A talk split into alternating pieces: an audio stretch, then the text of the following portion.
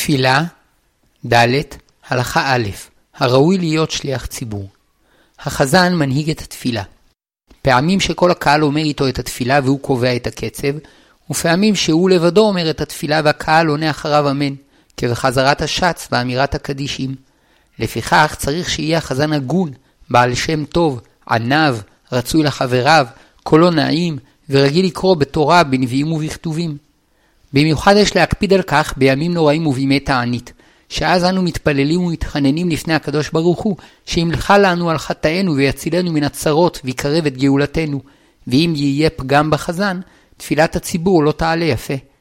בזמן חז"ל אסור היה לכתוב סידורים, משום שרק דברים שבכתב, היינו תנ"ך, הותר לכתוב, אבל דברים שבעל פה, ובכללם תפילות וברכות שתיקנו חכמים, אסור היה לכתוב. ואז תפקידו של החזן היה חשוב מאוד, מפני שהוא היה צריך לזכור את כל התפילה על פה ולאומרה בקול רם, כדי להוציא את הרבים מידי חובתם. והיו בוחרים חזן קבוע לתפקיד נכבד זה. וכל מה שאמרו לגבי חזן בתעניות, שייך גם לגבי החזן הקבוע. ולכתחילה, היה צריך שכל אחד ואחד מן הציבור יסכים למינוי החזן, מפני שהוא היה מוציאו ידי חובתו. אולם כיום, שלכולם יש סידורים והם מתפללים מתוכם, תפקידו של החזן פחות חשוב, ואין נוהגים לבחור, לבחור חזן קבוע לכל השנה, אלא בכל יום אדם אחר עובר לפני הטבע, ולכן פחות מדקדקים בבחירת החזן. ואף על פי כן, צריכים הגבאים להשתדל שהחזנים העולים לפני התיבה יהיו הגונים, שומרי תורה ומצוות, ושהציבור יסכים שיהיו שלוחיו, מפני שהם אומרים בשליחותו של את חזרת השץ והקדישים. בתפילות שבת ויום טוב, שבהם נוהגים שהחזנים שרים ומזמרים חלקים מהתפילה, צריכים להשתדל שהחזנים יהיו בעלי כישרון מוזיקלי וקול ערב. תפילה, ד. הלכה ב' חזנות לשם שמיים. החזנים צריכים לכוון בשירתם לכבוד שמיים, אבל אם הם מעריכים בחזנות וכל כוונתם להתגאות בקולם היפה, עליהם הכתוב אומר, נתנה עלי בקולה, על כן שנאתיה. שהם עושים מהתפילה הקדושה קרדום להתגאות בו. ואף מי שכל כוונתו לשם שמיים, לא יעריך מדי, כדי שלא יטריח את הציבור. אסור לחזנים לכפול את המילים בברכות ובקדיש, משום שיש בכך שינוי ממטבע שתיקנו חכמים.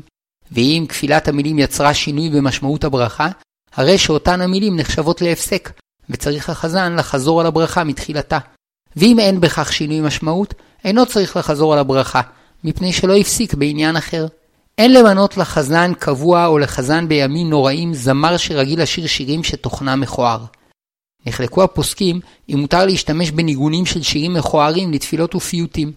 למעשה, כאשר מילות השיר המכוער אינן מוכרות לקהל, אפשר להקל, ויעשו במנגינה שינויים כדי להתאימה לתפילה.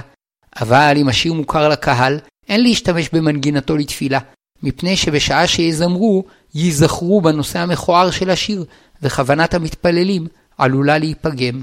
תפילה, ד. הלכה ג' מינוי החזן.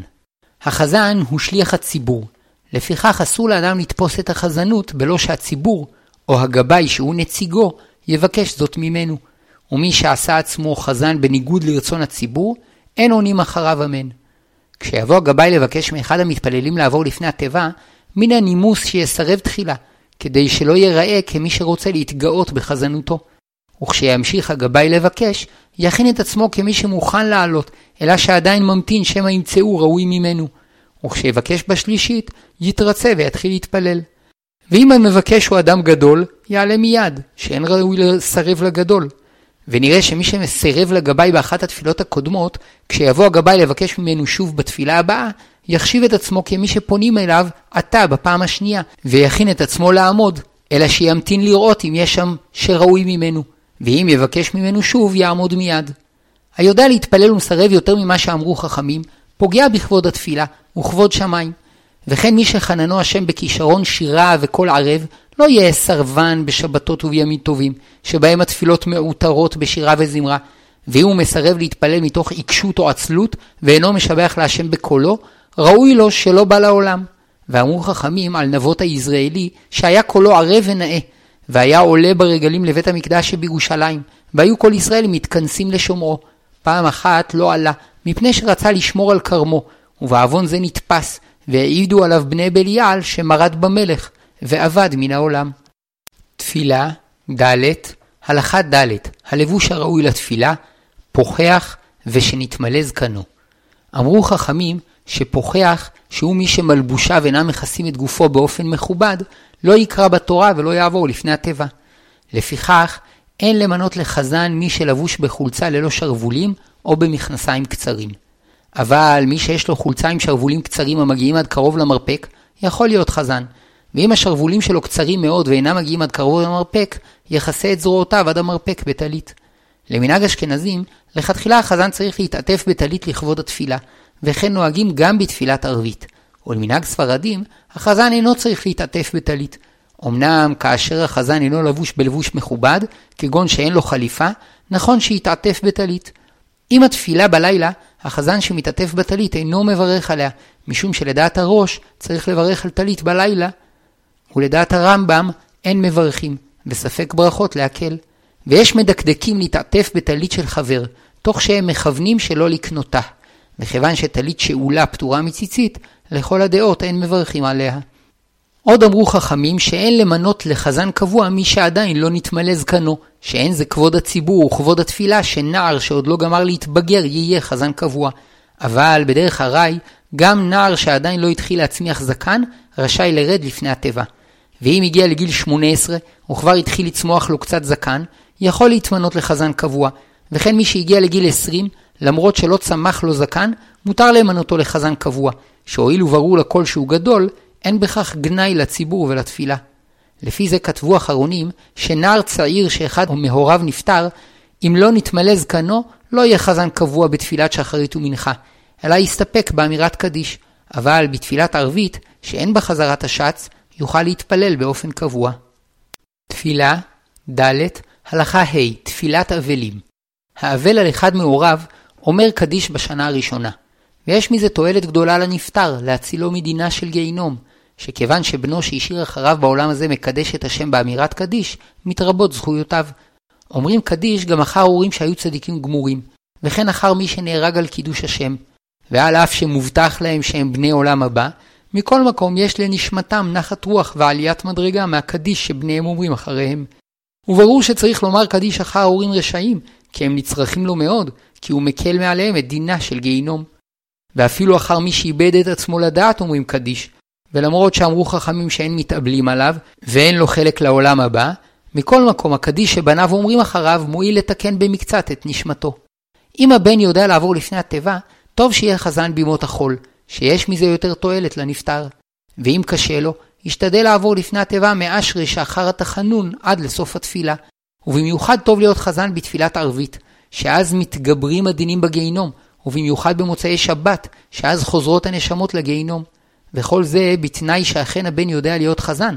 אבל אם אינו יודע לבטא את המילים כראוי, או שקולו משונה, או שהוא מקצר, או מעריך מדי, עדיף שלא יהיה חזן, אלא יסתפק באמירת קדיש.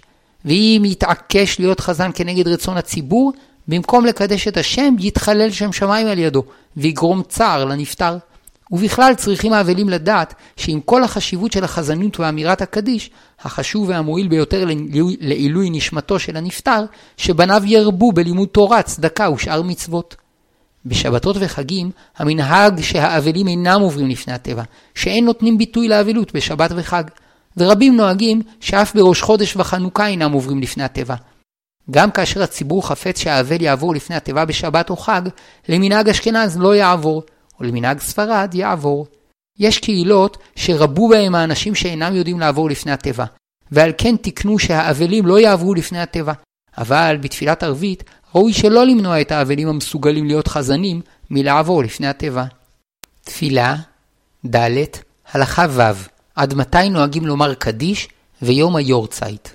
מנהג אשכנזים שהאבלים יורדים לפני התיבה ואומרים קדיש במשך 11 החודשים שאחר הפטירה, מפני שדין הרשעים בגיהינום 12 חודש, ואם יאמרו על הנפטר קדיש כל 12 החודשים, יראו כמחשיבים אותו לרשע.